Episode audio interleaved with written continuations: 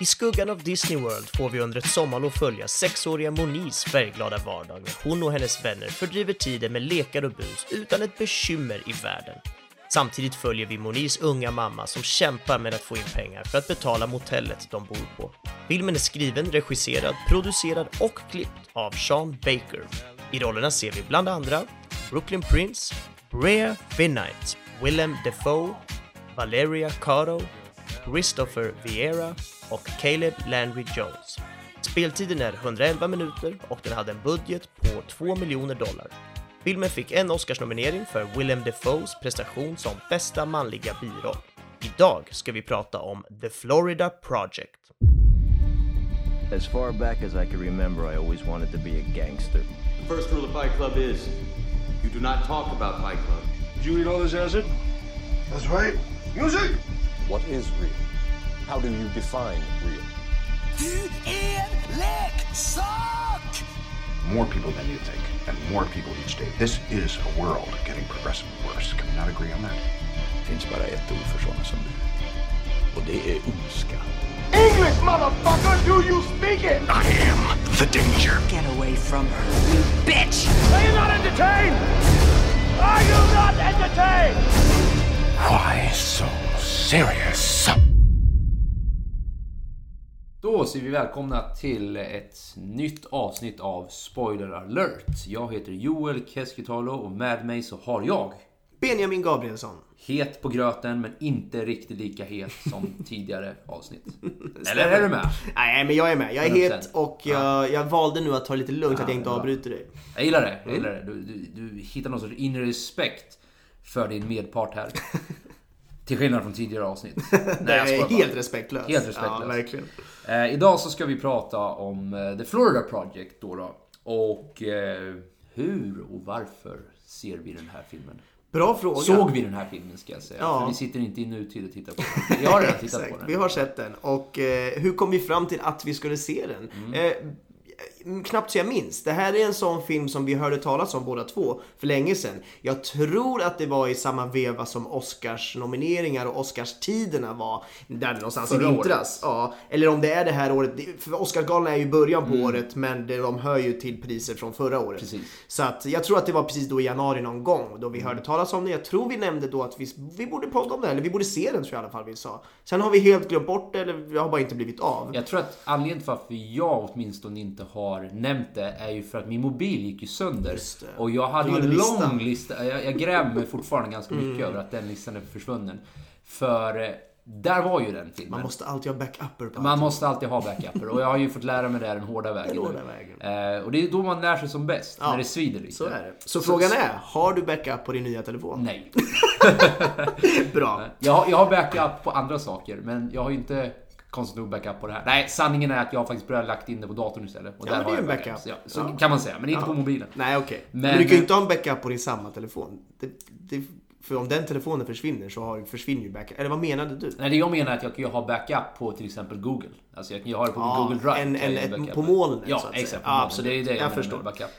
Eh, nej, men så den har ju legat i listan där. Mm. Och inte för att jag har sett någon trailer eller någonting, utan det... Jag tror också som du säger att det var under alla Oscars-tider här Mm. att... Eh, du vet när man pratar om Oscars-nominerade filmer så dyker det ju många upp i Mm. listan. Och jag vill även minnas att jag har hört den här i någon annan podd. Och det kan varit Alex och Sigge. Mm. Det kan ha varit Filip och Fredrik. Eller så kan det ha varit någon helt annan. Men jag, jag, jag får ett Du lyssnar vagt- även på ganska många jag lyssnar poddar. på ganska många poddar. Lite för många poddar om jag ska vara helt ärlig. Det, det, man lever i en poddvärld Så är det. numera. Sitter vi och pratar sitter i vi och pratar i en podd, ja.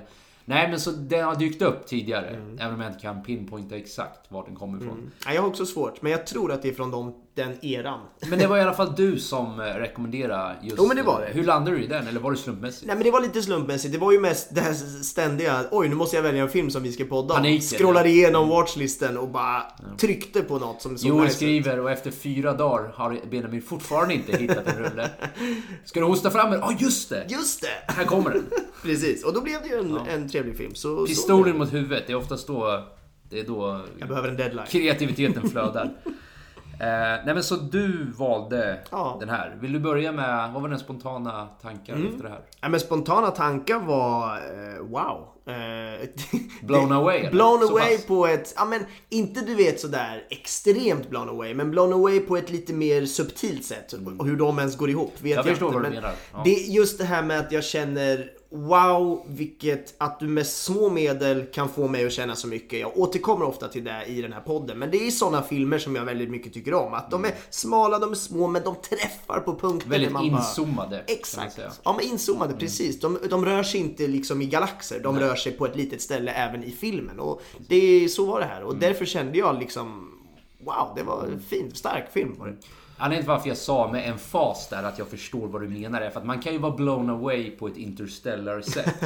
Då är man ju uppe i rymden. Bokstavligt Bokstavligt talat. I alla fall i filmtermer. Ja. Men man kan ju också vara blown away i hur välgjord en film är. Exakt. Och vad det är de har valt att lyfta fram. Vilken sorts skildring man har gjort på en, eh, ja, en situation eller en tidsperiod eller en karaktärsanalys eller vad man än väljer. Mm. Så i den bemärkelsen kan man ju vara blown away utan att Inception style komma haltande ut från biografen och fundera på om man ens existerar eller inte. Eh, inte den sortens blown away. Nej. Eh, Vad känner du? Mm. sa- Samma sak, vilket är lite tråkigt att vi alltid landar i samma slutsats. Ofta vilket jag till och med tänkte när jag såg det. Jag tänkte att Benji kommer ju tycka precis vad jag tycker här. Men det ska bli intressant för vi har kanske lite grejer som skiljer sig. Mm. Eh, nej men jag, jag ärligt talat kan inte annat än att instämma. Jag tycker ju, jag är ju också en sucker. Mycket tack vare dig som jag sagt tidigare har jag blivit mer av en sucker för just det här inzoomade. När man, väl, när man väljer att under en lång tid fokusera på enskilda Ja, men om vi, inte, en, alltså inte enskilda händelser, men liksom ett, i det här fallet, eh, motell. Eh, eller en grupp människor, eller liksom bägge av dessa två. Eh, man får med så mycket då genom att inte stressa fram handlingen utan att genom, genom att bara fokusera på det här som kan framstå trivialt. Men genom att lyfta fram det här triviala i livet så inser man att livet ändå är väldigt fascinerande och ganska icke-trivialt kan man Precis. hävda. Så eh, kan inte annat än att hålla med. Och eh, blown away i den bemärkelse också, och vi kommer komma dit.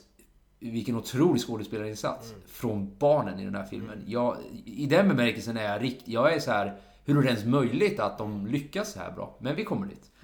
Eh, Ja, fantastiskt. Nej men jag tycker vi går, vi, vi djupdyker och jag går direkt dit, till barnen. okej, kör. Jag älskar barnen.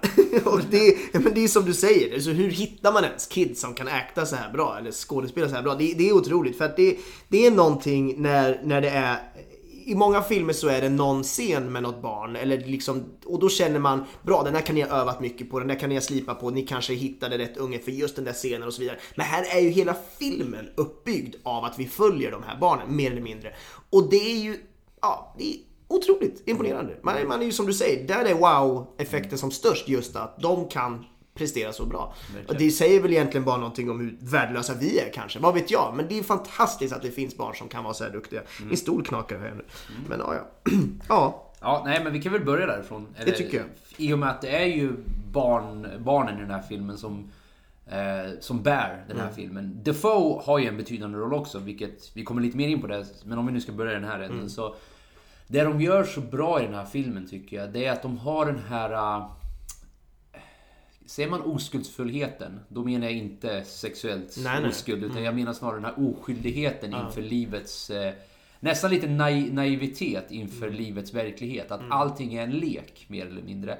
Vilket man själv, mm, alltså barn generellt, är ju så här. Man ser möjligheter i allting och man ser inte de här farorna som livets erfarenheter ger dig successivt. Utan man öppnar dörren och man springer ut i den stora, vida världen och hittar på saker med sina kamrater. Och det är så fint på något sätt, just den här... Äh, ja, men just hur vackert livet kan vara i ett barns ögon. Att det finns, ja, men som jag sa, det finns möjligheter i allting. Det går att leka kurragömma liksom bland motellgäster. Och man kan spotta på en annan människas bil och det gör inte så mycket för liksom, det är liksom inga konsekvenser de egentligen behöver synas mycket av. Och man kan ju gå, man kan gå riktningen där och säga gud vilka odisciplinerade barn som inte lär sig hyfs. Men det var lite där jag först trodde att filmen skulle gå, åt den riktningen.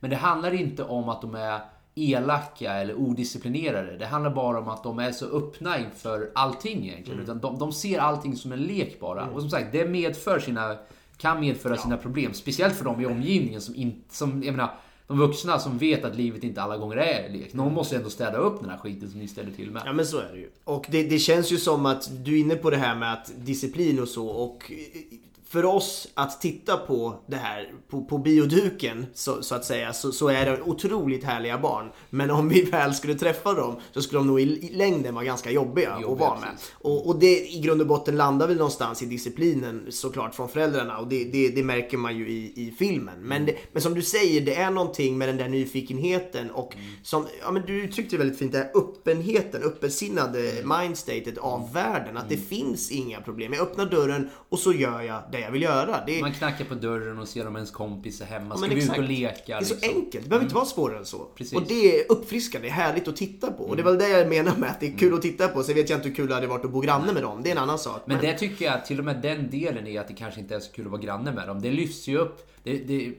det skildras ju väldigt bra i filmen också, för man får ju se de vuxna som får hela tiden städa upp efter Ja. dem hela tiden. Men till och med där tycker jag det sker med en förståelse av att de Mm. är barn. Liksom. För de är ju som sagt inte elaka barn.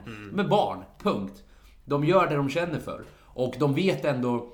Det är det, det jag tycker är så fint också just eh, om vi, om vi går lite vidare från barnen och mer till kollektivet vi befinner oss i här. Så vi är ju på ett... Är det ett motell? Ja, det är motell. Det är ett motell, ja, Precis. precis. Som drivs av eh, Willem Dafoes eh, Bobby. Eh, jag tror inte han är ägaren. Nej, utan han är precis. väl Han manager. är manager, exakt. Och eh, det jag alltid gillar i såna här filmer som... Eh, som jag känner ibland att man själv saknar lite. Det är just den här gemenskapen som ett kollektiv bringar med sig. Mm. Och nu menar jag inte per definition kollektiv, utan jag Nej. menar bara liksom att bo Människor så på liten tätt. plats. Ja, exakt. Ja. Att de bor så tätt in på varandra och att de ser varandra varje dag. Att det ger en känsla av... Jag har inte det svenska ordet nu, men familiarity. Alltså någon sorts Mm. Familjekänsla. Ja, kanske familiaritet. Jag har bara inte hört den översatt så förut. Jag tror det. men Eller så hittar jag på ord som vanligt. Det kan vara så, men så länge man förstår vad man menar. Alla ord måste ju ha kommits på någon gång. Exakt. Så det, är bara Så du menar att jag är en ord... Eh, du, komma inför, på det? Vi inför nya ord i den här Ja. podden. Så det är bara att ni så. skickar in förslag till någon jävla myndighet. Just att de lyckas förmedla den här känslan av familiarity, som jag sa tidigare. Eh, att på något sätt är det här allas barn. Alltså det är inte bara mammans dotter. precis. även om det är det, Mm. i det här fallet är det ju inte ens biologiskt alla gånger. Utan de tar ju hand om någon annans eh, dotter. Men att till och med Bobby är Mm. någon sorts extra pappa åt alla de här. Ja, han hamnar väl liksom i den positionen. Ja. För i början av filmen känns det inte så. Men desto mer det går så känns det som att det Mm. verkligen är den där familjära känslan. Och den gillade jag väldigt mycket. Desto mer vi kom in i den. Så det har du helt rätt i. Det här var som en eh, vad heter det, punkt just för att belysa det här med att barnen är, de må vara jobbiga. Men i och med att alla lever i en familj så lever de ändå med det. Mm. Ja. Att, eh, Och att de nu- också nu är jag, barn. Jag överdriver lite för alla är ju kanske inte okej med det och man får inte se alla, Nej. alla som bor på det här stället. Men min poäng i alla fall är just i det här kollektivet där man ser varandra varje dag så hinner det byggas upp någon sorts relation Mm. mellan de här. Och jag kommer gå in lite mer på det sen när vi börjar prata mer om eh, Willem Dafoes karaktär Bobby. Men det var som ett litet inspel på Mm. Ja. just barnens roll i allt det här. Ja men precis. Det är ju någonting med realism. Det har Mm. vi hamnat i många gånger i den här podden. Och här har vi ju ytterligare ett exempel där det blir den här realismen som Men- är så för- härlig att se på. Ja, innan du fortsätter, för jag, jag har faktiskt, och förlåt om jag avbryter Mm, det här. kör. Jag faktiskt, jag skulle vilja fråga dig lite här. För jag vill ju hävda att, det, för jag, jag tänkte, jag visste att du skulle ta upp det här Mm. Och jag vill ju hävda någonstans att det finns ju två typer, i alla fall den uppdelningen jag väljer att göra här, att det finns två typer av realismer här. Det finns den typen av realism som vi ser i filmer som Irreversible. Mm. Eller som den där filmen då de är i Barcelona. Vad heter Ja, den? eh, beautiful. Beautiful, ja precis. Där det är verkligen som att man bara har tryckt ner en kamera där. Man får liksom, till och med hur den är filmad, invaggar ju en i känslan av att man är, man är precis hos den här karaktären. Sen finns det den realismen som är lite mer Hollywoodiserad. Mm, där där sa du det. De andra två filmerna du nämnde är europeiska och Ja. de andra är amerikanska. Så det är den stora skillnaden. Det var det jag ville Ja. fråga dig, hur du ser på den här skillnaden. Men Ja. du kanske svarade det Nej men du svarade själv på det nästan, men genom att säga just det där. Men det är oftast där man hamnar och nu generaliserar vi. Det finns såklart filmer som bryter det här mönstret. Men överlag så är den liksom europeiska filmstilen mer det här ännu tätare med kameran. Det är ännu skitigare, det är ännu mer realism i dess djupa liksom eh, värde eller vad man ska Mm. säga. Och det är även från europeisk film från början som realism nästan kommer ifrån.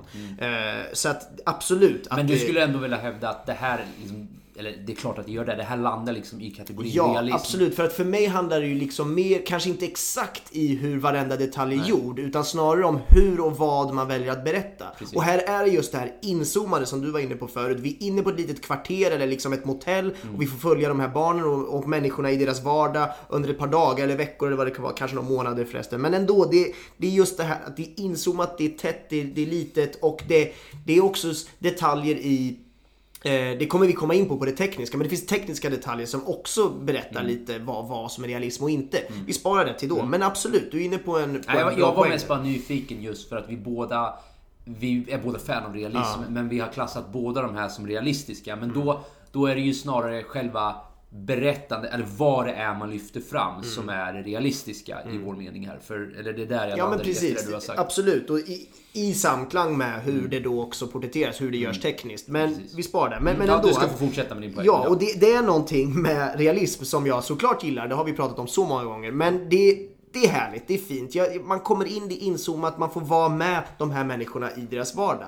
Här då, till skillnad från vad jag alltid brukar kalla skitig realism, som jag var inne lite på nu. Mm. Ofta den här lite mörkare, det är liksom med lite gråare stämning och vardag bara. Mm. För att det oftast är ett mörker som ska porträtteras. Här är det ju också ett mörker som ska porträtteras. Men de använder inte ett mörker bildligt talat. Väldigt färgglatt ja, när du säger Exakt! det. Mm. Och det är där jag tycker att det här är så briljant på något sätt. För här bryter ju den klassiska tydliga skildringen av mörker, skitig realism är ju bokstavligt talat mörker skit. Här är det ju tvärtom. Det är superfärgglatt och det är liksom jättehärliga, mycket stora helbilder och det är barn som springer och leker. Men det är ändå en mörk vardag vi får se och det var den liksom kontrasten på realism som jag verkligen fastnade för i den här filmen.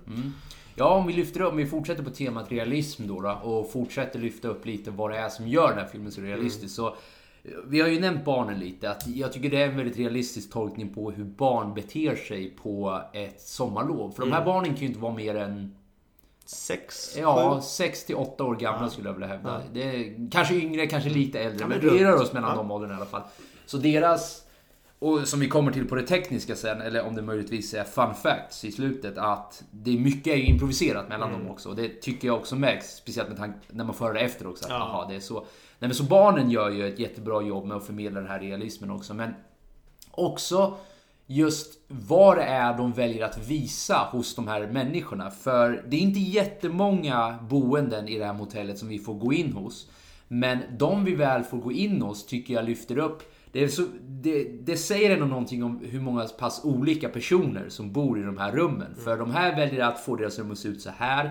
De här väljer att få det att se ut så här. De här lever på det sättet, de lever på det sättet. De har samma förutsättning Mm. rumsmässigt men de väljer ju, sen ser man liksom den personliga touchen på det. Det är lite där du är inne på. Exakt. Mm. Och att det också förmedlar ett väldigt realistiskt uttryck att just människor är väldigt olika och här ser man uttrycket i, ja, i det här fallet i hur deras eh, motellrum ser ut. Så Vidare trycker de på just det här att det här är som vilket motell som helst. Det här är liksom, sätt upp er i, eller åk till Florida till Watford motell.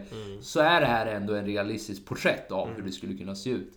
Eh, och sen bara lite vidare på det här spåret måste jag säga att Willem Dafoes Bobby jag tycker han också blir den här stereotypa, liksom st- halvstressade, halvbekymrade Vaktmästargubben. Vaktmästar och allt i allo-gubben liksom. Som måste hela tiden städa upp efter gästerna. Han måste hela tiden se till att hålla alla i schack. Men han bryr sig ändå. Han är ju ändå människa. Han bryr sig så Precis. mycket om dem som bor där. Så han, han hjälper ju till exempel hela tiden hon... Eh, Hailey med hennes bekymmer. Han försvarar ju henne när hon blir anklagad, vilket är en korrekt anklagelse, att han stulit massa armband och skit.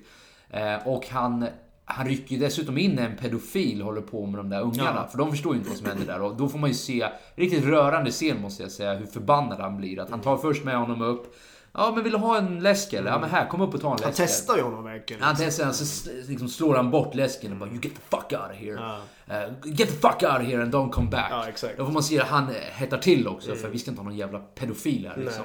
Eh, Så han porträtterar också vidare på just det här realistiska. Han porträtterar också den typiska managern, måste jag säga. Ja, verkligen. Och det, det gör han ju väldigt, väldigt bra också. Det är nästan oundvikligt att vi snuddar in på, på Willem Dafoes karaktär. Men hela det sättet han gör det på. Det känns, som du är inne på, väldigt genuint, väldigt äkta och trovärdigt. Men det, det går väl nästan hand i hand med hela filmen. Det är allt är trovärdigt. Det är väldigt sådär, ja men det är realism, återigen. Det är där vi hamnar. Och det, det är väldigt kul att se. Det jag gillade väldigt mycket ehm, är att det inte blev den här, det kanske har lite med att göra med färgerna och, och mörkret som inte är det där typiska mörkret. Men att det inte blir en gråtfest. Att det inte är liksom var fjärde scen så är det liksom knark och att barnen liksom gråter. Utan det är egentligen mest lycka genom större delar av filmen. Men det är ändå ett mörker som ligger där för vi vet ju egentligen att det här är inte en superbra ställe för de här barnen att växa upp på. Det är inte hållbart i längden. Det är ju inte det. Och det, man förstår ju, och det liksom kommer ju grejer då och då som ändå är mörka i sig. Men det är någonting som jag gillade med just det. Att det inte är det klassiska, nu är det knark, nu ska vi gråta och så är det en glad scen. Och nu är det knark, nu ska vi gråta. Utan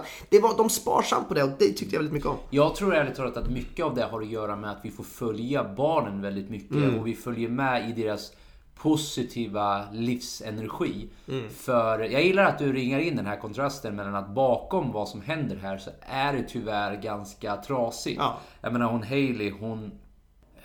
jag- vill inte på något sätt påstå att hon är... Hon älskar sitt barn, det är jag helt övertygad om. Det får man se genom hennes handlingar, genom hela filmen. Hon vill barnets bästa. Men hon har en ganska trasig personlighet och vad det beror på får vi inte veta. Och vilket är helt är absolut inte det jag säger. Men det är precis som du säger att det är inte inget hållbart. Motellet i sig är ju inte jätte rumsrent så att Nej, säga. nej. Karaktärerna som bor där är ju inte jätterumsrena. Men vad som är rumsrent och vad som är genuint, det är ju deras koppling de har till varandra. Mm. Och precis som du sa tidigare att den här kontrasten, jag tror den beror på att barnen just i deras glädje lyckas få oss också att glömma det här mörkret. För när man följer dem, då följer man ju bara med på deras Men deras äventyr och deras upptäcktsresor. Och de är ju glada hela tiden. Exakt. Så det blir svårt att inte dras med i det. Och bli liksom... Och det är väl det tror jag på något sätt som är filmens styrka. Att vi får följa barnens perspektiv i den här ganska mörka världen. För ett barns perspektiv är ju inte alltid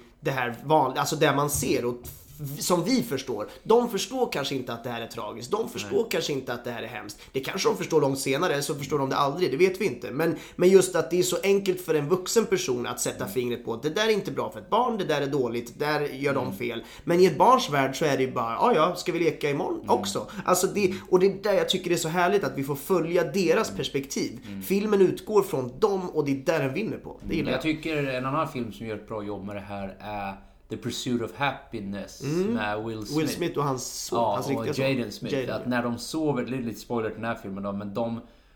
Han tvingas på grund av olika omständigheter att sova på en toalett. Mm. Och då lyckas Will Smiths karaktär då, han lyckas framea hela den upplevelsen som att vi måste gömma, vi har rest tillbaka i tiden och vi måste gömma oss för dinosaurierna och det här är vår grotta här. Och han Jaden Smiths karaktär, han är helt ombord på det här. Och ja, vi måste gömma oss, vi måste ta skydd där på toaletten. Och då får man se hur eh, Will Smith gråter för han jag tycker det här ringar ändå in kontrasten, trots att det är en annan film. Att Will Smith gråter för det, han, han ser det riktigt mörka i det här. De har ingen bostad liksom. Men Jaden Smith, som den naiva, väldigt energiska, livsglade unge som som, ett han barn, är. man är, ja, som precis. ett barn, precis. Han ser bara möjligheterna i det här. Och det är precis så jag tycker det är i den här filmen också. Att de vuxna ser problemen, som ändå är reella. Alltså man ska inte på något sätt ta det ifrån dem. Att problemen de- de här människorna har är ändå riktiga. Men barnen ser ju inte det här, utan de ser ju bara glädjen Precis, precis. i allting. Ja, och det är ju någonting där med hela den, eh, den världen de lever i. För att jag var inne på det här med färgerna, hur starka färger det är. Och de bor ju i ett område i Florida där det på riktigt ser ut så här. Det är ingenting som är fejkat här, utan det ser ut så här på det här stället. Det är liksom, byggnaderna är glada färger, allt är glatt, reklamskyltar, det är liksom Disneyland ligger runt hörnet, ja. Så det, det är den typen av värld. Och det är bara sådana stora liksom, nöjeskomplex. Varenda hus, ser, liksom, varenda affär ser ju ut som, eh, alltså apelsinjuicekoppen ser ut som en gigantisk apelsin. Mm. Glassaffären ser ut som en gigantisk glass. Allt är bara, det är väldigt så här, eh, USA på något sätt. I, I dess det här kommersiella kärna som kommer fram. Det är väldigt Disneyland om man nu säger så. Disneyfierat. Det är Disneyfis... ja. Disney, Disneyfierat. Exakt. Och, och det, det på något sätt blir ju extra eh, starkt tycker jag då. För att man får se barnen som lever i den här nästan Disney-världen. Men lever ändå på en väldigt mörk plats. Ja, det där, det har du faktiskt rätt i. För där ringar ännu mer in den här just kontrasten. För till och med just visuellt Ja, kan man exakt. se den här kontrasten. Att det är mörkt. Det ser man på deras beteenden och det ser man på de, Mamman och mamma, allting. ja, Ja. relationerna hon har till sin kompis till slut och allt det där. Men allt är så himla färgglatt. Så man får ändå känslan av att vi är, Det är liksom... lugnt. Det är lugnt, allting löser sig. Och lägg då på ungarnas det är lugnt attityd liksom. Mm. Precis. Så vaggas man ännu mer in i det här att ja men det är lugnt, det är inga Exakt. Och det är därför- Men sen kommer ju verkligheten tillbaka. Precis, och det är därför jag tycker det funkar så bra att det är i den där färgglada platsen. För att Mm. vi är i den färgglada hjärnan av ett barn. Och det är väl där jag någonstans landar. Att jag tycker det är skit-nice just på det sättet. Mm, riktigt bra. Eh, Jag skulle bara vilja ringa in eh, Mm. eh, en till grej just innan vi släpper just allt det här. Mm. Var att den inte hade någon tydlig röd tråd. Tyckte jag väldigt mycket om. Alltså man kan argumentera för att för huvudkaraktären kan man ju säga hon Moni. Eh, spelad av Brooklyn Prince. Mm. Eh, och hennes mamma då Hailey. Man kan ju säga att, för det är de två man följer som sagt. Men den, på sätt och vis tycker inte jag att den här har en röd tråd så många... Nu är det jag som halvt spekulerar lite, för som sagt. Man kan ju se den röda tråden. Man kan se det som att man följer dem och det börjar liksom... Fast ändå... Nej, jag vill nog hävda att det inte är en tydlig röd tråd här. För jag vill hävda att man helt enkelt, som vi brukar använda liknelser, man sätter ner en kamera här nu och följer det här skeendet liksom. Och vi råkar följ, vara lite mer fokuserade på just de här karaktärerna. Men jag uppskattar just det, att filmen börjar helt tvärt, helt så här. Vad heter det? Unceremoniously. Jag vet inte vad det svenska ordet är där igen. Men icke glamoröst kanske man kan säga. Det bara börjar med att de spottar på en bil liksom. Och det är ungefär som att nu är vi helt, nu har vi bara hoppat in här. Det är ingen tydlig början. Och det här är inget tydligt slut heller. Visst, slutet på ett sätt är att hon blir gripen av poliserna. Men till och med det är lite diffus. För vad innebär det här? Hon kanske kommer tillbaka Ja. sen har livet fortsätter Och som barnen springer ju in på Disney. Barnen springer iväg på Disneyland liksom. så, så jag är väldigt eh, förtjust i just att vi bara följde de här i deras vardag. Jag tyckte det räckte. Det- För vad den här filmen försökte visa oss här så tyckte jag det, var ett perfekt sätt att lägga Ja. upp det. Vad tycker du om det här? med- Alltså, eller flummar jag för mycket Nej. med att det inte var en röd tråd med Helt med det, helt med det. Och det är väl någonstans där jag landar ofta i varför jag tycker så mycket om realism. För att det är just att vi bara zoomar in på en liten del av ett, någons liv eller någras liv eller en, ett kvarter eller vad det nu kan vara. Och så följer vi det och så ser vi vad som händer. Det måste inte vara att nu är en protagonist tydlig och det ska vara liksom action eller det ska vara ett, ett problem. Och Det finns säkert det om man gräver i alla lager av liksom eh, hur man gör en film. Men overall så känns det som att det är mest bara vi följer de här och det försiggår vardagshändelser i deras liv. Och det är, jag tycker mycket om det. För bara det faktumet att inget överdrivet dramatiskt hände de här ungarna. För det var lite det jag också väntade på, att nu kommer det någon vändning Ja. Nu kommer en av de här bli påkörda eller kidnappade. Precis. Och det är ju den dramaturgiska vändpunkt man ofta väntar på. Det var lite Precis. det jag var inne på, men här var det ju inte det. Nej, man kan ju hävda att den kom i slutet då kanske. Exakt. Men som sagt, då var ju inte det ett problem som var genomgående Precis. i filmen. Att det är det här det Då handlar om. valde vi ska istället att avsluta filmen där, vilket Precis. också jag tyckte var jättefint. Yes. Så jag, jag tycker i den bemärkelse av det här med realism och liknande så Mm. var det faktiskt en viktig komponent i att just som sagt, realistiska filmer, det är klart att de kan ha en röd tråd. Det är ju många som har det. Men många gånger tycker jag det är uppfriskande när det inte är en tydlig handling där, utan när man bara är, man är bara med dem, som sagt. Så Mm. Ja. det tyckte jag de fick med väldigt bra. Ja, jag med. Jag håller med. Och ehm, det är någonting just med det här jag var inne på, att det inte är en gråtfest. Mm. Att vi bara är, alltså de här barnen är ju konstant glada i princip. Mm. Fast de lever i den här mörka världen, det har vi varit inne på. Men att de sparar då till slutscenen. Mm. Då blev det, det var första gången vi fick se henne gråta. Hon är liksom sex år gammal och lever Moni, i... Moni. Och hon lever i liksom i vad vi kanske skulle från vårat håll eh, säga en misär. Mm. Men från hennes point of view så är det bara hennes glada vanliga liv. Och hon gråter alltså första gången i sista scenen. Och då Mm. Och det är- gråter hon ordentligt. Hon Och bryter, det är ju för att hennes mamma blir Då inser hon ju att Ja. vad fan händer? Exakt, och det är ju inte, har ju inte snarare, och det är ju inte så att hon får en inblick heller i den mörka vardag som kanske existerar bakom hennes Nej. eh, Det vardag. blir bara en chock som bryter hennes Precis, vardag. det blir bara att hennes källa till trygghet. För man Mm. ser ju, man kan ju, vi kan ju zooma in lite på det, deras relation till varandra. Moni och Haleys. Det är mamman och dottern. Precis. Ja. För det första tycker jag det är så vackert att se hur många karaktärsdrag som Moni har, som man direkt ser koppling till hennes mamma. Det, det är väldigt så här, och det är där man kan ifrågasätta om och jag ska inte låta döma det här på något sätt, men man kan ju ifrågasätta om det är det bästa sättet att uppfostra ett barn på kanske. Att ha just den här, ja men nästan total disrespect för regler och Ja, ja. konventioner och liknande. Alltså svordomar är ju ett konstant. Ja, det är inget konstigt. Nej, det sker ju hela Nej. tiden. Ja. Och eh, man ser så tydliga karaktärsdrag hos den här Moni som är direkt från hon Hailey. Och eh, jag ska som sagt inte döma ifall det här är det bästa eller inte, men jag tycker det är väldigt snyggt samspel mellan de två. När man ser bara hennes attityd, dels med då hon, alltså man ser Monis attityd, dels när hon är med Hailey, att det är en direkt avspegling av hennes. Men man ser också när hon är för sig själv med de andra ungarna, att hon har en ganska utåtriktad personlighet och hon är väldigt orädd. Och det här, är- det här har inte bara att göra med mycket av det vi ringade in tidigare, att barn generellt är väldigt orädda. Utan hon har ju också fått den här äh, nästan kaxigheten Ja, ja. från hennes Verkligen. morsa också. Ja. Och vi kommer komma in på det mer i det tekniska, men där får man verkligen ge credit till Brooklyn Pr- Prince. Som, eh, ja, men som lyckas efterlikna de här små tendenserna som morsan då har. Och det, man, ska, man ska dessutom då säga att det är ju inte bara Moni som gör det här, utan jag tycker alla de här ungarna uppvisar karaktärsdrag som man säkert kan se kopplingar till Ja. deras eh, eh, föräldrar, eller åtminstone de som tar hand om dem. Precis. Och sen tycker jag också relationen de har till Jag tycker det är så vackert, ungarnas relation till Bobby, mm. managern. Alltså att han är ju som jag nämnde tidigare, han blir ju som deras extra förälder där liksom. Att de, oh come on Bobby, no kids. Nu räcker det liksom. Här, Ut härifrån och liksom... ut härifrån eller så, så här, För han blir ju som en pappa i och med att han sätter ju upp regler där och det är ju väl Precis. det en pappa ofta gör. han, blir, han blir ju pappa till både barnen Ja, och och- barnen som tar hand om Precis, barnen. ja. Alltså för de är ju barn på ett sätt Ja, i, i deras sinne. För det, det är många scener där man ser hur de driver honom till vansinne. Det är många scener då han är så här. "Ah, Kom igen nu räcker det. Alltså, men det är ju just den där attityden man har. Typ, man, kan, man är arg på dem men man kan inte hata dem. Mm. För scenen efter, då ser man hur han tittar på dem och småler lite. Liksom, Gud vad kul ni har ungar. Och han säger det till och med till han ägaren som kommer Mm. sen och bara They're good kids. Och sen most of the time. Ja.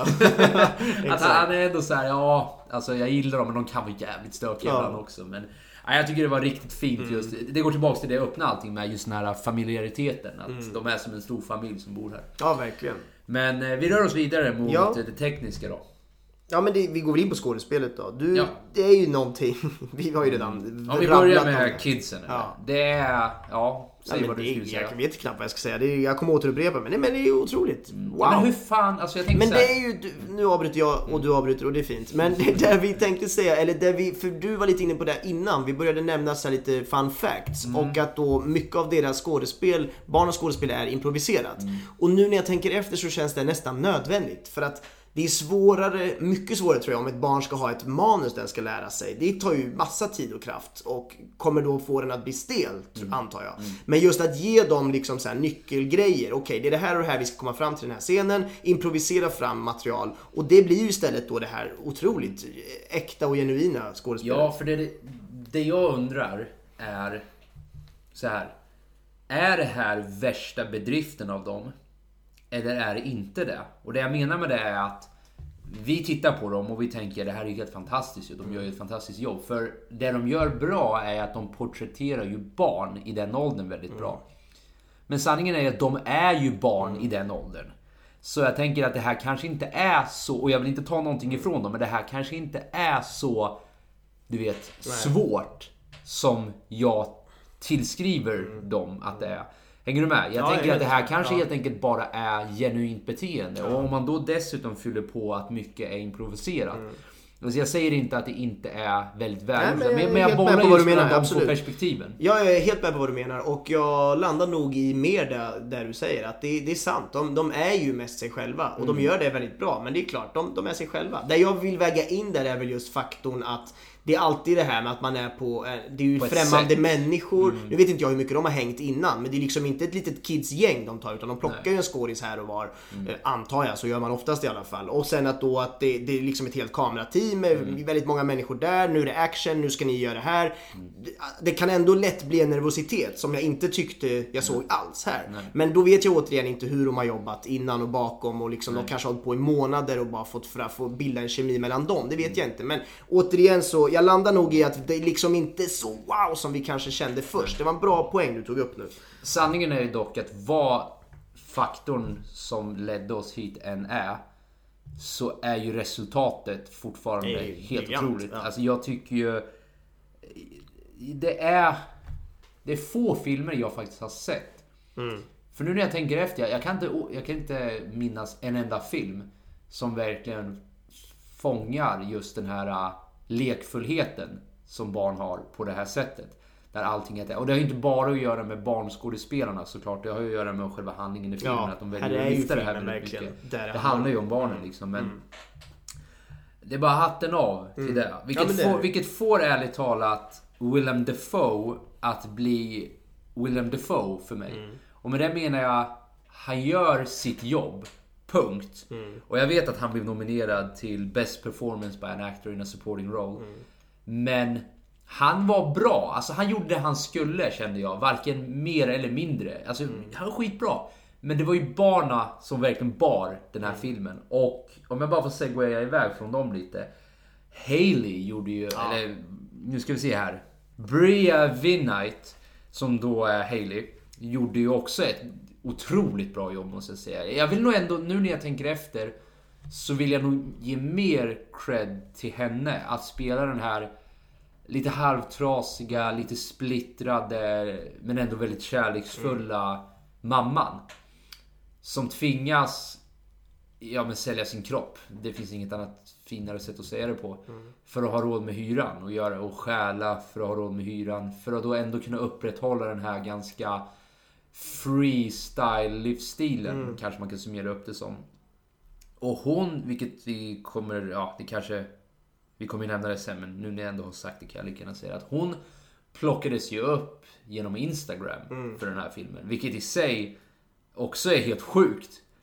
Liksom att inte ha någon skådespelarbakgrund bakom Men sig. då landar jag nästan också i att hon kanske inte skådespelar så mycket. Hon kanske är väldigt mycket den här Så typen av det, det, människa. det du hävdar med det är alltså att skådespelaryrket förstör genuint skådespel? Ja, faktiskt. Är det du säger? Ja, men på ett sätt. Det beror ju på. För att visst ska hon spela en helt annan typ av karaktär så måste hon kunna skådespela. Men just nu när hon är typecastad, bokstavligt talat hittad från internet för att passa exakt som den här rollen. Så är hon kanske lite mer som barnen och eh, bara är den typen av person. Jag vet inte det här, jag spekulerar nu. Vad har vi på typecastat? Ja, att Det är det... begrepp du bara slängde som du utgick från att alla hänger Ja, med. precis. Nej, förlåt. Nej, men det är väl just att någon är liksom speciellt inskaff, införskaffad för den typen av roll. Nu ska inte jag, tänk om jag har missförstått uttrycket. Det här är min uppfattning av uttrycket, är att det är någon som är liksom, du passar perfekt till den här rollen, vi vill ha dig. Och så har liksom man sö- istället för att man kanske söker, ja, det är någon som passar perfekt för en viss roll. Så har jag förstått uttrycket. Det Rätta mig om jag har fel gärna. Det låter det också som att det är det. Ehm, men ja, och jag, jag vill verkligen inte ta bort någonting från henne. Jag tycker hon är briljant. Och hon säkert mer, mycket mer än barnen har ju manus och grejer att gå ut efter. Så där finns det ju en kanske annan prestations, andra prestationskrav än vad det kanske gör hos de mer improviserade scenerna hos barnen. Så att, nej, all credit till en fantastisk skådespel. Ja, alltså jag tycker ju det som gör just det här skådespeleriet så bra här, det är alla de här subtila små grejerna. Om jag bara ska zooma tillbaka lite på Willem Dafoe. Eh, så bara, bara hans blickar och bara hans eh, små leenden under vissa platser tycker jag bara, det är så briljant gjort. Ta till exempel scenen då han ska tigga en cigarett från hon eh, Ja, hon är väl en tant i någon mening. Hon som solar där med sina hängpattar framför barnen. och där han kommer och säger bara cover it up. Ja, barnen ska inte behöva se sånt här. De är En för riktig sån sola ute-tant. Ja, precis. Eh, så när han ska ta en cigg av henne. Mm. Och då säger hon You just like me for my cigarette. Och han, små, han tittar på henne och så kan inte han låta bli än att brista lite i skratt. Han typ småler bara nej, nej, nej, nej, jag gillar det ändå. Så här, Så måste jag vet väl att du sig." bara gillar mig för mina cigaretter. Ja, tur att jag inte gillar dig heller. Han bara kom igen. Så här. Och det är så, så många sådana små. En annan scen såna små, många sådana små tecken, vad man ska säga. Ja. Ja men subtila, Ja, men subtila små ansiktsuttryck också, ansiktsuttryck och ord på rätt plats och sådana Ja. där. Och återigen, inga, inga så här. De gör ingen stor grej av det heller. Nej. Utan det, det är bara... Det är det som gör det så snyggt tycker jag. Att det bara... Det bara är liksom i förbifarten. Ja. Och vilket får det också ringa in det här realistiska. Exakt. En annan scen är ju när ungarna springer under bänken. De leker kurragömma. Ja. Och han bara, ja men okej, göm er då, men var försiktig med skärmen så här. Och sen då kommer ungen som letar efter dem bara, "Har- Bobby, have you seen the other girls? Och han lutar sig tillbaka lite och Ja. signalerar lite att där sitter de. Och sen när de springer iväg därifrån och de säger ah come on Bobby. Hans leende där tycker jag är så fint. För det är så genuint i hur mycket han tycker om de här barnen. Liksom, att han tycker det är okej att ni springer omkring här. Liksom, och fyllt med sådana här små... Ja, vad heter verkligen. Det? Vad heter det? Vad är det jag försöker leta efter? Ja, det är ju så- inte bara kroppsspråk, utan Nej, det är allt det det, är där. Leenden, ögonkast, Ja, kroppsspråk. men det är väl regin då i så fall. För Regin. jag tror det är där vi landar i. Att det krävs en otroligt duktig regissör som kan peka på alla de här punkterna och säga att gör det Otroligt här. bra och, regi. Ja, verkligen. Och det, det är ju cred till Sean Baker då som har ju både skrivit manus, gjort regi, producerat och klippt. Han är helt galen, jävla geni, kontrollfreak. Men det är otroligt kul att se folk som brinner så här mycket för projekt och att ro det i hamn. För ofta så kan det ju bli att man tar sig vatten över huvudet eller det blir bara inte bra. Men här, han får det ju att flyta rakt igenom. Ska vi gå vidare från eh, Ja, men, skådespeleriet? Precis, det tycker jag. Vi, var lite inne på det här med färgerna och det, det känns ju som att de är ju ett, ett genomgående tema under hela filmen och det, det passar så bra och det Ja, funkar. filmen är ju generellt väldigt färgglad hela Exakt. tiden. Ja. Det är Vilket- väldigt få scener där det inte verkligen är skrikande Precis, färger. och det är väl för att de är i ett sånt område och jag tycker det är bara underbart. Och det, Florida i sig, du vet solen skiner nästan Exakt. hela tiden. Och just det där Disney-distriktet de är i, där allt bara är liksom eh, tecknat. Det är en tecknad Ja, värld precis. de lever i. Så det är väldigt roligt. Och, och, och då har de ju såklart använt det här. Det känns ju som att de har dragit i lite grann i alla färgerna så att det blir just den här solstarka som du var inne på, lysten över hela, hela fotot egentligen, hela kamerarbetet. Det är såklart inte i kameran du gör det, det lät det som det. Men ja, färgerna i alla fall är väldigt härliga. Och då för att glida över till just fotot. Jag tyckte mycket om det. Det var ju inte det här som vi brukar prata om i andra realismfilmer så att säga. Då brukar vi landa i att det ofta är ganska stökigt. Kameran är liksom med in the moments mycket. Ibland snurrar ju till och med kameran. Om vi tar irreversible, Ja, att man vet inte vad kameran håller på med. Nej men exakt. Och, och, Vilket då är konstigt nog ändå får vaggar in en ännu mer Ja. i känslan av att det här är den kalla, mörka Ja verkligheten vi exakt. ska bemöta. Eller typ som i Blå är den varmaste färgen. När, när kameran liksom rör sig konstant och klipper mellan olika karaktärer. Som att du hoppar mellan deras ansiktsuttryck. Vilket ger en väldigt stark känsla av att vi är här just nu. Men den blir också ganska rörig. Här är det ju inte alls det. Här är det ju ett lugnt bildspråk och ett ganska fint, tydligt bildspråk, vilket jag tyckte mycket om. För jag tycker fortfarande att den här får en väldigt realistisk känsla.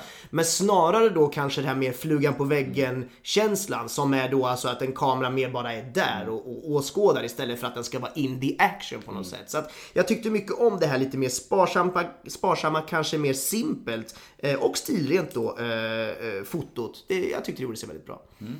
Nej, jag har faktiskt ingenting att tillägga där. Däremot vet jag att du har någonting att säga om musiken. Ja, filmen. precis. Det är ju... Vilken musik? Ja, undrar, precis. undrar Benjamin då. Eller undrar ni musik? som lyssnar på, eller såg filmen kanske? Ja men exakt, det är ju någonting med den här filmen, men realism återigen, vi pratar ofta om det, vi, det är ju ofta inte speciellt mycket filmmusik i realism. För att filmmusik är ju någonting som vi, eh, åskådaren, hör. Det är alltså någonting som kallas för icke-diegetiskt ljud. Var vi på icke-de... Diegetiskt. Diegetiskt. Ja, precis. Ja, men det är just det att, att det vi ser, eh, förlåt, det vi hör i det här fallet som åskådare kan ju antingen vara två karaktärer pratar. Då är det ett diegetiskt ljud, alltså att ljudet hör även personerna i filmen. Men filmmusik, om det lig- ligger på några stråkar i bakgrunden, det står ju inte en stråkkvartett i filmen och spelar utan det är någonting som bara vi hör, alltså åskådaren, alltså ett icke-diegetiskt ljud. Och i den här filmen så var det nästan inga icke-diegetiska ljud. Det är i första och sista scenen som de har lagt på två stycken låtar. Eh, I första är det ju den här fina som vi hörde i början och i slutet så är det den här.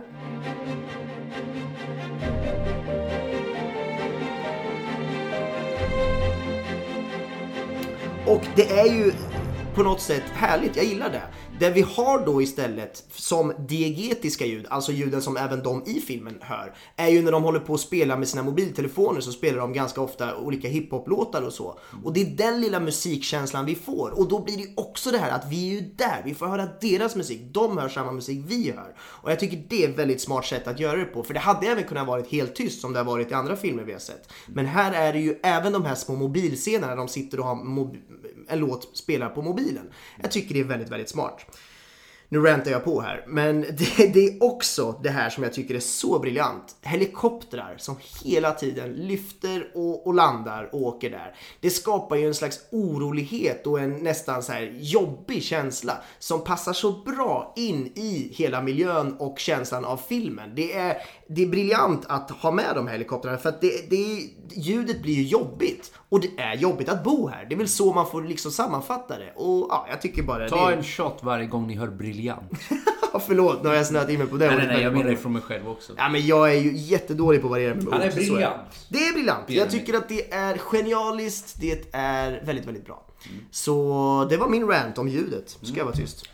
eh, nej, men jag tycker vi är väldigt bra. Vi kan runda av det där och röra oss mot slutordet. Vad vi tycker är en favoritscen. Eh, vill du summera upp den här filmen, vad du tycker? Vad tycker du om den här rullen? Om vi ska... Ja, nej, men som det kanske har framgått där så tycker jag väldigt mycket om den. Det, det är en film som passar min smak väldigt bra. Det är sparsamt, det är lågmält, det är genuint, det är inzoomat, det är realism. Det, det är där jag vill sitta och mysa. Jag får vara med i den här världen. Mysa kan man tycka är fel ord för det är ändå en ganska mörk värld. Ändå var den här ändå ganska glad för att vara en mörk film. Så att ja, jag landar i någonstans att jag bara myser och älskar den. Har du någon favoritscen? Oh. Låt mig intervjua dig nu. Har Ja, du någon favoritscen? har jag någon jag, kan, jag favoritscen? kan flika in en Gör bara, lite snabbt. Eh, väldigt svårt att hitta en favoritscen i den Mm. här. Just för att jag känner att den var ju väldigt... Eh, det var ju en skildring på... ja, Det var ju ett sommarlov det handlade om i princip. Så det var väldigt... Det kändes inte som att den var scenbaserad riktigt. Att det, det var snarare bara... Ja, men man följer med de här ungarna på deras sommarlov. Så... Allt känns liksom som en enda stor scen. Men jag, skulle, jag tycker nog den scenen, alltså det, det är ett litet skeende bara. Som, eh, jag, jag var lite inne på det förut, just den, mycket med kroppsspråk, med leenden, med ögonkast och liknande. Den scenen där William Dafoes karaktär sitter vid datorn och de ska leka kurragömma och de springer under där. Jag vet inte, det är någonting när han dels outar dem, han pekar liksom att här gömmer de sig. Men också hans leende när de sticker därifrån. Jag vet inte, det är någonting som ringar in där för mig. Hans relation till dem och hur mycket han bryr sig om, hur mycket han tycker om barn liksom. Att de har, de har kul. Antingen den eller den scenen då han konfronterar den här pedofilen. Och Ja, just för den, den är väldigt stark i den bemärkelse att det är kul att se han hetta till lite. Han är hela tiden på något sorts baksäte, han vill inte tappa coolet liksom. Men där, där ser man att han ändå har, vad ska man kalla det? Alltså han är ju inte en fegis kanske man kan säga. Alltså han, är, han vet ändå när han ska sätta ner, han vet vart gränsen Ja, går. Han är inte verkligen. rädd för att liksom ryta till när det verkligen behövs. Så nå- någon av de två scenerna tycker jag är bra. Men det är svårt alltså. Jag tycker Mm. Det är mycket- svårt. Ja. Någonstans så dras jag mot den, eh, den scenen när hon mamman som är så stark i hela filmen. Eh, hon, menar Hailey? Hailey. Hon är ju superstark och liksom kaxig och skön och skrattar åt allt. Hon skrattar åt livet basically, bokstavligt talat. Så att det, det blir ju någonstans väldigt starkt när hon faktiskt bryter ihop, också där mot slutet. Och eh, sitter där och gråter. Jag tyckte det var väldigt starkt och då, jag landar kanske där då, om jag måste välja. Men jag vill också då bara bara för att jag inte riktigt kan välja så säger jag också att den där scenen när de dansar i regnet, Hailey och dottern, jag är så dålig på namn. Men då, eh, ja jag tycker det var en jättefin scen när de spöregn och det är misär överallt. Men vi går ut och dansar i regnet och vi mår bra. Påminner mig också om den här scenen när de sitter, när Jancy har... eh, De firar Jancy genom att de har satt Ja, eh, det var ljus på en liten muffin och Ja. det började... Det var så här fyrverkerier och allting och de sa ah, It's for you Nancy. Det var också en väldigt fin Det scen, var jag säga. jättefint, verkligen. Eh, lite fun fact om den här Ja, filmen. du har faktiskt inte gett din riktiga verdict här än. Ditt, ditt, ditt slutord har inte riktigt Nej, kommit fram. rätt i. Så kör den. Eh, Om du har något. Nej, men jag tycker du, alltså återigen, det, det är svårt att... Du ringar in det väldigt bra där när du säger att den fångar den fångar väldigt det här realistiska, det är väldigt nice när det är så inzoomat på allt. Om, om det är någonting jag får lägga till på ditt lilla slutord där så är det det här, uh, man kanske kan säga det kollektivistiska. Jag är ju en sucker för När det är den här äh, Familjära. familjekänslan. Du vet att alla känner varandra. Det här var ju varför jag gillade Three Billboards over Ebbing, Ja. Missouri väldigt mycket. Just för att man kan hata varandra. Men i någonstans, någonstans så sitter vi här ändå i samma båt. Jag, jag, jag vet att du i grund och botten inte är en dålig människa. Jag, jag har sett dig så pass mycket här att du, du låter väldigt kaxig just nu. Och du beter dig väldigt illa just nu. Men jag vet att i grund och botten så är du väldigt fin. Och det vet jag för att vi har bott så tätt in på varandra och vi ser varandra varje dag. Och det tycker jag förmedlas väldigt fint genom Willem Dafoe och hans, eller Bobby, hans karaktär då. Och hans relation till resten av gänget som bor här. Så det skulle jag vilja vara. Det är Ja, jättefint. Bra.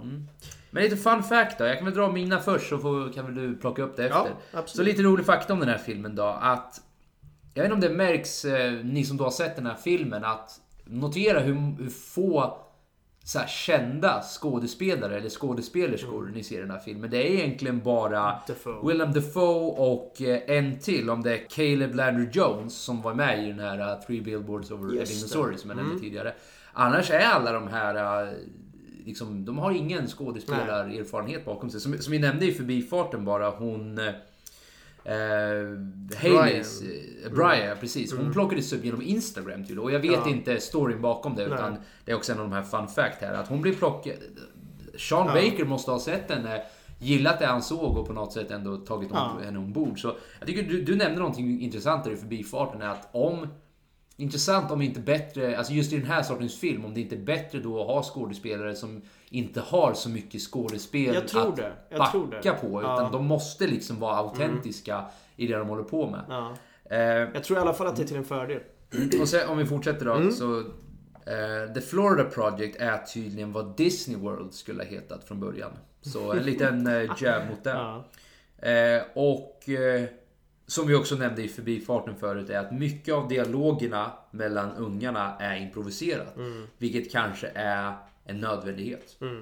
Kan vara så. Mm. Fantastiskt. Har du några intressanta fakta om den här rullen? Ja, men eh, jag var ju inne också på flera av de här. Men de här helikoptrarna jag tjatade om en stund. De är ju så att de hade inte råd, eftersom det här är en superlåg budgetfilm, så hade de inte råd att liksom stoppa helikoptrarna. För helikoptrarna är en del av den verkliga miljön de spelar in på. Och eh, ja, så de hade liksom inte råd att säga åt dem att inte flyga då, så att de fick vara med och de fick anpassa det. Och vilket jag då lyfte som ett jävla superbonus. Jag tycker det ger så mycket känsla och karaktär på hela filmen. Det gör ju att den per definition blir mer realistisk. Ja. Med tanke på att det där var inte med i skriptet. Det där är någonting som händer på riktigt. Ja, exakt. Och det blir så briljant återigen. Eh, Mm. Shot. Shot. Så att nej men det är skitfint att de hade med det. Eh, de hade ju inget val. Så. Men även då ehm, de här, apropå då att vara på riktig plats. De här motellen finns ju också på riktigt. De är inspelade på riktiga motell. Filmen är inspelad på riktiga motell och det är till och med vissa personer som bor där under inspelningen. Så vissa personer man ser i bakgrunden, de bor där och är liksom inte skådespelare utan bor på motellet just då. Så Fan vad häftigt. Ja, återigen, och det där blir också per definition realism. De Ja. lever ju sitt vanliga liv. Medan Precis. det är fan Bokstavligt talat, det är helt otroligt faktiskt. Ja. Nej men sen eh, nämnde jag det här med att eh, Sean Baker har ju skrivit, regisserat och gjort allt i princip. Så det är ju jätteroligt. Eh, Defoe, han bodde ju faktiskt på ett av de här motellen, eller på det här motellet, eh, i en vecka innan inspelning. Bara för att komma in i känslan av hur det är att bo här. Ja, Jag, lä- jag läste att han, dels ville han fånga det, men han ville också lära sig dialekten för Ah, just okej. det området. Ah, så det, det hade inte bara att göra, inte för att det är ett bara, men det hade inte bara att göra med själva livsstilen, Nej. utan det hade att göra med att han ville fånga dialekten också. Det är perfekt. Bra acting. Ja, vi rundar av det där. Eh, ni har lyssnat på ännu ett avsnitt av Spoiler alert medan jag tappar pennan. Men det är Snyggt. Det är slut, så släng den. Jag slänger min Så också. tack för idag. Vi hörs nästa vecka. Tjohej!